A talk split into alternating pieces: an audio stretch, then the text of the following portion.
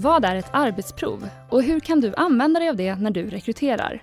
Svaren ska du få nu av Katarina Rimmel som är konsult på Home of Recruitment. Hon har flera års erfarenhet av att skapa och utföra arbetsprover med kandidater och hon kommer att bjuda dig på några konkreta exempel att inspireras av. Det här är Arbetsförmedlingens arbetsgivarpodd med mig, Elinor Wassberg.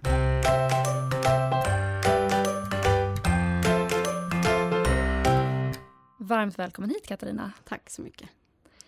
Kan inte du börja med att berätta bara, vad är egentligen ett arbetsprov? Ja, det är ju en urvalsmetod. En av många man kan använda i en rekryteringsprocess helt enkelt. Eh, och jag tycker att det är viktigt att prata om, jag brukar prata om kompetensbaserade arbetsprover. För jag tänker att eh, om du tänker när man var yngre och kanske sökte jobb på ett café, så kanske det var att man fick provjobba gratis. Mm. Eh, så det är ju på ett sätt ett arbetsprov, men det är inte det som jag kanske förordar, utan att man ja, gör det lite mer inramat och uppstyrt. Och ska man ha provjobb så ska det också vara betalt. Ja, lite det tänker mm. jag. Ja. Men ett arbetsprov, då behöver inte det vara betalt för då är det en del av en intervjuprocess. Så det är någonting annat här då? Ja, det är mm. det. Och samtidigt så tycker jag där att man ska fundera över hur mycket tid, alltså vad är rimligt att kandidaten kan lägga i form av tid på ett arbetsprov. Jag har hört om vissa arbetsprov som har varit ganska omfattande, eh, där kandidaten kanske får lägga ja, flera timmar på att göra ett arbetsprov. Antingen hemma innan eh, eller på plats. Och det tycker jag man ska fundera lite på. Jag tycker att det handlar om att ett arbetsprov ska liksom Liksom vara som en skärva av en arbetsuppgift eller någonting. Det ska inte vara att genomföra någonting som någon annan skulle gjort annars eh, på betald arbetstid. Så att den tycker jag man ska fundera på. Men eh, absolut, det är någonting annat än att provjobba. Mm. Hur kan man använda sig av arbetsprover? Ja, jag brukar säga att jag, man ska se det som ett komplement till andra urvalsmetoder. Eh, vanligtvis brukar jag använda det som ett komplement till kompetensbaserade intervjuer. Eh, för att när jag lägger upp en rekryteringsprocess så tittar jag på kravprofilen och så funderar jag över hur ska jag ta reda på det här? Eh, och då är det ju ofta så att flera av kompetenserna som man har valt ut vill man gärna utvärdera med hjälp av en kompetensbaserad intervju, där man ju ställer frågor om tidigare situationer och så. Medan andra kompetenser eller eh, ja, krav på erfarenhet eller kunskap då kanske är svårare att ta reda på eh, i en intervju. Det kan ju handla om till exempel hur, eh, ja, en förmåga att stå inför en grupp människor och prata. Det är ju svårt, det kan man ju prata om, men det betyder ju inte att att det eh, faktiskt funkar? Nej men precis, ja. Eh, så. Det kan ju handla om eh, att ge service till exempel. Det kan man ju för sig kanske på, på, i större utsträckning, men, men ofta så kunskaper och sånt som kanske är, ja, som är svårare att utvärdera i en intervju helt enkelt. Så fördelen med ett arbetsprov är ju då att du konkret som arbetsgivare får se kandidaten om de har en viss kompetens eller kunskap? Ja, precis. Mm. Man får se dem in action liksom. Finns det fler fördelar med just arbetsprover? Ja, jag tycker att det är en fördel är eh, också att det upplevs ofta som någonting väldigt positivt av kandidaten. Eh, kandidater som kanske tycker att det är jobbigt att sitta på en intervju eh, kan ofta få en andra chans, om man ska säga, vid ett arbetsprov, för då är det ju att, att göra sitt jobb. Det är ofta den reaktionen jag får av kandidater, eh, att det här är okej, men det här gör jag hela dagarna. Eh, så det tycker jag är en, en fördel, att det blir, ja, men det blir en positiv kandidatupplevelse ofta. Och att de får en insyn i hur skulle det vara att jobba Ja, men kanske. precis, verkligen. Det, det ger en bild av, eh, ja men liksom, det ger ett underlag till kandidaten att fatta beslut ifrån också. Mm. Om det nu är någon som lyssnar här och känner att ja, men det här med arbetsprov, det skulle jag vilja prova att jobba med i min rekrytering. Mm. Vad har du för tips att ge då? Ja, men jag tänker att man, man ska inte krångla till det. Eh, jag tycker att man ska använda sig av eh, ja, men fundera över vad ska jag sätta i händerna på den här kandidaten när den börjar här?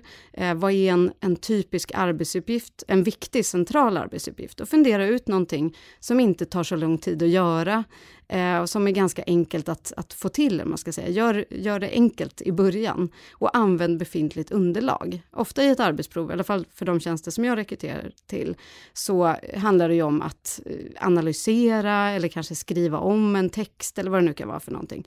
Och då använder jag alltid befintligt material. Alltså jag, jag skriver inte ihop massa material för, inför arbetsprovet. Eh, och det tycker jag är viktigt, dels för att det sparar tid, och det är ju ett tips då att, att liksom, jag krånglar inte till det med det. Eh, men det gör också att det blir mer rättvisande. Eh, så, så att liksom börja helt enkelt. Det är inte så himla krångligt, utan använd befintligt material, fundera över vilken typ av arbetsuppgifter som du kommer sätta i händerna på kandidaten. Så det kan ju variera utifrån om jag rekryterar för olika typer av tjänster, kan jag inte använda samma arbetsprov för alla då? Nej, absolut inte, utan det kan vara otroligt olika saker, mm. eh, självklart. Och då går man tillbaka till kravprofilen eh, och tittar på vad, vad, är liksom, vad är det jag har tagit fram som viktigt för den här tjänsten. Just det. Om vi kan ta några konkreta exempel kanske. Mm. Låt säga att jag ska anställa en ekonom. Mm. Vad kan jag ha för typ av arbetsprov för en ekonom? Ja, alltså ekonomtjänster är ofta väldigt bra eh, faktiskt just för arbetsprover, för där handlar det väldigt ofta om att man ska analysera underlag, man ska kanske producera någon form av material eh, och ge rekommendationer och sådär. Så, så det är en väldigt bra typ av roll att använda arbetsprov för. Mm. Så en controllertjänst till exempel eh, kan det handla om att man får eh, ja, men analysera ett resultat. Eh, man får kanske ge några rekommendationer kring ja, men, konkreta förändringar i den kommande budgeten eller vad det nu kan vara. Eh, väldigt konkreta saker, sånt som skulle vara typiskt att sätta i händerna helt enkelt på personen om den får jobbet. Just det. Och om vi har en rekryterare Mm. eh, då, jag har eh, relativt nyligen själv rekryterat rekryterare. Och det är återigen där, jag tycker inte man kan inte ta fram ett arbetsprov för alla typer av rekryterare, utan det är också där, vad är det som kommer att vara viktigt, vad kommer att vara centralt för tjänsten? I mitt fall så handlade rekryterarrollen, som jag rekryterade till, väldigt mycket om att skriva annonser, till exempel. Eh, så det fick mina kandidater göra då. De fick ett underlag, eh, en, en liksom, ja, lite, ett annonsunderlag, eller en lite bristfällig annons, man ska säga, som de fick skriva om helt enkelt, eh, på en tid, begränsad tid, för så är det ju alltid, eh, i alla fall när jag jobbar med arbetsprov, att man har en begränsad tid på sig. Det gör ju också att det blir mer rättvist för alla kandidater, att ja. ni har den här tiden på er. Och sen får man välja om man utnyttjar den tiden eller om man är klar innan. Men, ja, men att det i alla fall finns ett max där kanske. Ja, jag tycker mm. att det mm. blir mer rättvist och det blir också lättare för mig att jämföra mm. kandidaterna. Och då vet jag att på den här tiden kan de prestera det här. Eh, så att just det här att till exempel skriva om en annons. Mm. Eh, det skulle ju kunna vara att man håller en intervju eh, med någon, mm. eh, som en del av ett arbetsprov till exempel, om det är en, en stor del av rollen. Eh, ja, det finns ju massa, för rekryterare finns det ju massor med uppgifter tänker jag. Skulle det kunna vara att man får ett gäng ansökningar och får rangordna dem kanske utifrån om man har en kravprofil eller en ja. annons att utgå ifrån? Det är en jättebra idé, ja. Mm. Det skulle man kunna göra. Ja, ja. absolut. Jag börjar fatta tänket här. Ja. Har du något mer exempel som du kan dela med dig av? Ja, jag tänkte på eh, förut, vi, eh, när jag jobbade i Solna stad, så jobbade vi med eh, byggprojektledare. Eh, det är ju ganska specifikt, men jag tänker att man skulle kunna eh, koppla det till, för projektledare finns det ju på ganska många olika arbetsplatser mm. eh, runt om i landet. Eh, och i det fallet, den här byggprojektledaren, då fick eh, kandidaterna, man fick en planritning på en skola eh, framför sig och sen så fick man ett uppdrag där det handlade om att göra eh, en renovering. Alltså det var ett projekt som handlade om att göra en ytskiktsrenovering helt enkelt. Man fick en deadline när det skulle vara klart och man fick veta ett antal förutsättningar. Mm. Eh, till exempel att verksamheten skulle pågå under tiden, vilket ju krånglar till det lite. Och sen så fick man lägga upp arbetet. Alltså hur skulle jag ta mig an det här? Hur skulle tidplanen se ut? Vad ser jag för utmaningar? Så.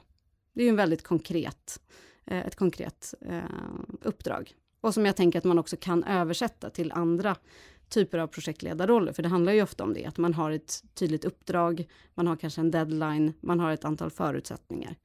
Eh, så. Och sen får man lägga upp arbetet och vad man tänker att man skulle tänka på och ta hänsyn till och sådana saker.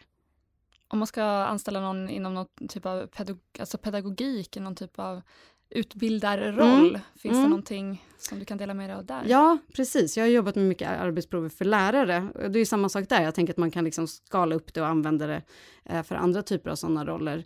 Um, till exempel, jag tycker att det bästa skulle ju vara att hålla en provlektion. Mm. Det har jag aldrig fått till, men det har varit min dröm hela tiden. Ja. För det är ju kärnan i tjänsten. Och det är det man behöver backa tillbaka till hela tiden. Vad, vad skulle jag sätta händerna på kandidaten? Men också vad är kärnan i tjänsten? Om det brister, var är det då det brister? Och det är klart att för en lärare eller alla typer av pedagogiska roller så handlar det om liksom den pedagogiska situationen. Eh, så det är drömmen. Det är ganska svårt att få till, har det varit, eh, för mig i alla fall. Och då har vi istället kanske gjort att man får planera en lektion. man får rätta ett prov Mm. eh, och ge skriftliga kommentarer. Och då, kan man ju, då har vi gjort så att vi har avmaskerat ett verkligt prov helt enkelt, så att det har varit återigen då ett verkligt underlag. Jag har eh, på ett jobb där jag arbetade tidigare så var det en kollega som rekryterade och då var det just eh, man skulle jobba med läxhjälp Mm. och där var det just att rekryteraren satte sig ner och sa att jag är inte duktig på det här ämnet. Nu Nej. ska du få förklara ja, men ett mattetal eller nu ska du få Ja. förklara den här saken för mig. Och på så sätt då bedömde liksom den pedagogiska förmågan. Ja, och det är ju jättebra. Jag tänker att det kanske, det som skulle kunna bli en sån situation, det är ju att, att det kanske känns lite konstlat för att Mm. man vet att det inte är, ja, det är inte på riktigt. Det som skulle vara drömmen då, det skulle ju vara att, att få faktiskt ge läxhjälp Ta en in en kortare elev. stund. Ja, men ta in en elev. Mm. Eh, för det är hela tiden det där tänker jag att, att när man, men sen får man ju använda ja, någon form av sunt förnuft. Man kanske inte kan använda sig av riktiga elever. Jag funderade på elevrådet till exempel, Mm. om man skulle kunna använda dem som en sån här grupp Ja. eh, och sen ge dem möjlighet att bedöma kandidaten också. Men absolut, att, att liksom skapa verkliga situationer, eh, så verkliga som möjligt egentligen. Då. Mm. Och precis som du var inne på tidigare också det här att ja, men kanske du, du ska skriva om en text eller du ska ja, Mm. ut, utföra någonting som du faktiskt kommer att göra på den här Ja. arbetsplatsen. Ja, precis. Och där väldigt- svårighetsgraden, för det får jag ofta frågor om. Eh, och där kan det vara så att kanske eh, rekryterande chefer vill skruva till det lite och göra det lite extra svårt, eller vad man ska säga. Eh, det tycker jag inte man ska göra. Man ska varken göra det för svårt eller för lätt. Det, hela tiden så ska det ju vara i linje med svårighetsgraden för tjänsten. Eh, så. Eh, men det kan bli en sån det är bra att tänka på Ja, att inte, precis. inte vilja sätta dem på prov allt för mycket. Nej, precis, utan det ska vara så verkligt som möjligt hela tiden. Och själva intervjun är ju överlag en stressfylld situation där man Ja. är nervös och vill göra bra ifrån sig som kandidat. Ja, Så att, att då spä på med extra mycket press kanske inte är det bästa, för då får du inte se hur kandidaten Nej. faktiskt skulle prestera under en vanlig arbetsdag, i och med att det ändå är mycket press runt Precis. själva intervjun. nej, Mm. Och som jag sa tidigare så har jag sett många gånger kandidater som har varit väldigt nervösa i intervjusituationen, har istället kunnat komma fram i arbetsprovet.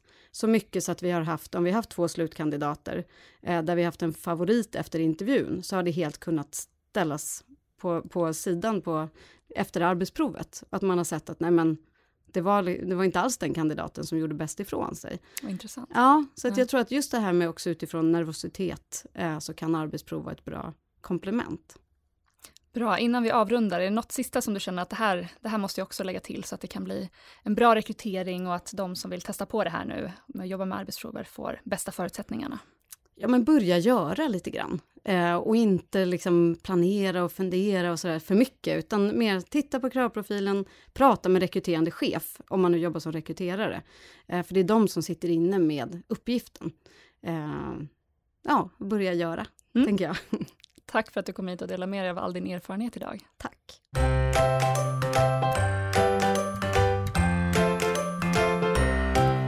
Du har lyssnat på Arbetsförmedlingens arbetsgivarpodd med Katarina Rimmel och mig Elinor Wassberg. Tekniker var Andreas Damgård. Det här avsnittet producerades våren 2019. Vill du få fler tips från Katarina? Lyssna då på vårt avsnitt Rekrytera fördomsfritt som producerades hösten 2020.